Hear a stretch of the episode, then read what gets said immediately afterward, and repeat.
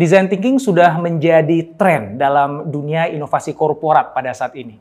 Tapi sebenarnya bagaimana sih asal mula dari design thinking itu sendiri dan bagaimana perkembangannya dari waktu ke waktu? Yuk kita simak paparannya.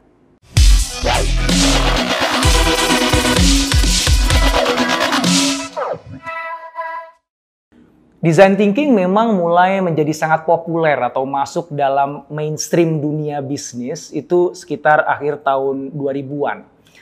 Tapi sebenarnya istilah design thinking sendiri sebagai metode pemecahan masalah kreatif pertama kali diperkenalkan di awal dekade 1980-an. Istilah design thinking berasal dari akademisi-akademisi seperti Brian Lawson dan Nigel Cross yang mengamati bagaimana desainer seperti arsitek itu memecahkan permasalahan dengan pola pikir yang berbeda dengan para saintis atau engineer yang ada pada saat itu. Nah, pertama mereka melihat bahwa desainer itu lebih fokus pada masa depan dan menciptakan sesuatu yang baru dibandingkan sekedar mengelaborasi solusi yang sudah ada. Nah, hal kedua yang mereka amati adalah mereka melihat bahwa desainer itu lebih cenderung mengembangkan solusi secara iteratif dibandingkan terlalu lama membuat solusi sempurna secara linear. Di mana setiap iterasinya desainer juga melibatkan masukan dari kliennya. Nah, berdasarkan pengamatan mereka tersebut, um, akhirnya para akademisi di tahun 1980-an itu mulai beranggapan bahwa pola pikir para desainer ini lebih cocok untuk memecahkan permasalahan di zaman modern yang memang sifatnya lebih kompleks, lebih dinamis, dan ambigu, yang sering disebut dengan wicked problems. Hal ini dikarenakan dalam memecahkan wicked problems ini kita nggak bisa bergantung pada proses pemecahan masalah yang linear atau solusi yang sudah ada di masa lalu.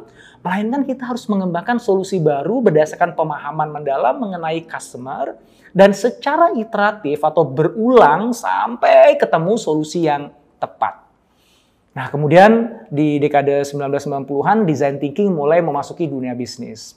IDEO saat itu perusahaan konsultan dan dalam bidang desain produk dan industri merupakan salah satu perusahaan pertama yang sukses mengadopsi design thinking untuk memecahkan wicked problems ini ya dalam konteks bisnis tentu saja. Yang dilakukan oleh IDEO adalah menggunakan design thinking untuk membingkai ulang wicked problems menjadi masalah yang human centric dan fokus terhadap apa yang paling penting bagi customer.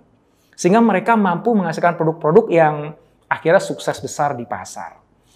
Nah, akhirnya di awal dekade 2000 mulailah diterbitkan proses-proses design thinking yang dibakukan oleh berbagai uh, sivitas akademika.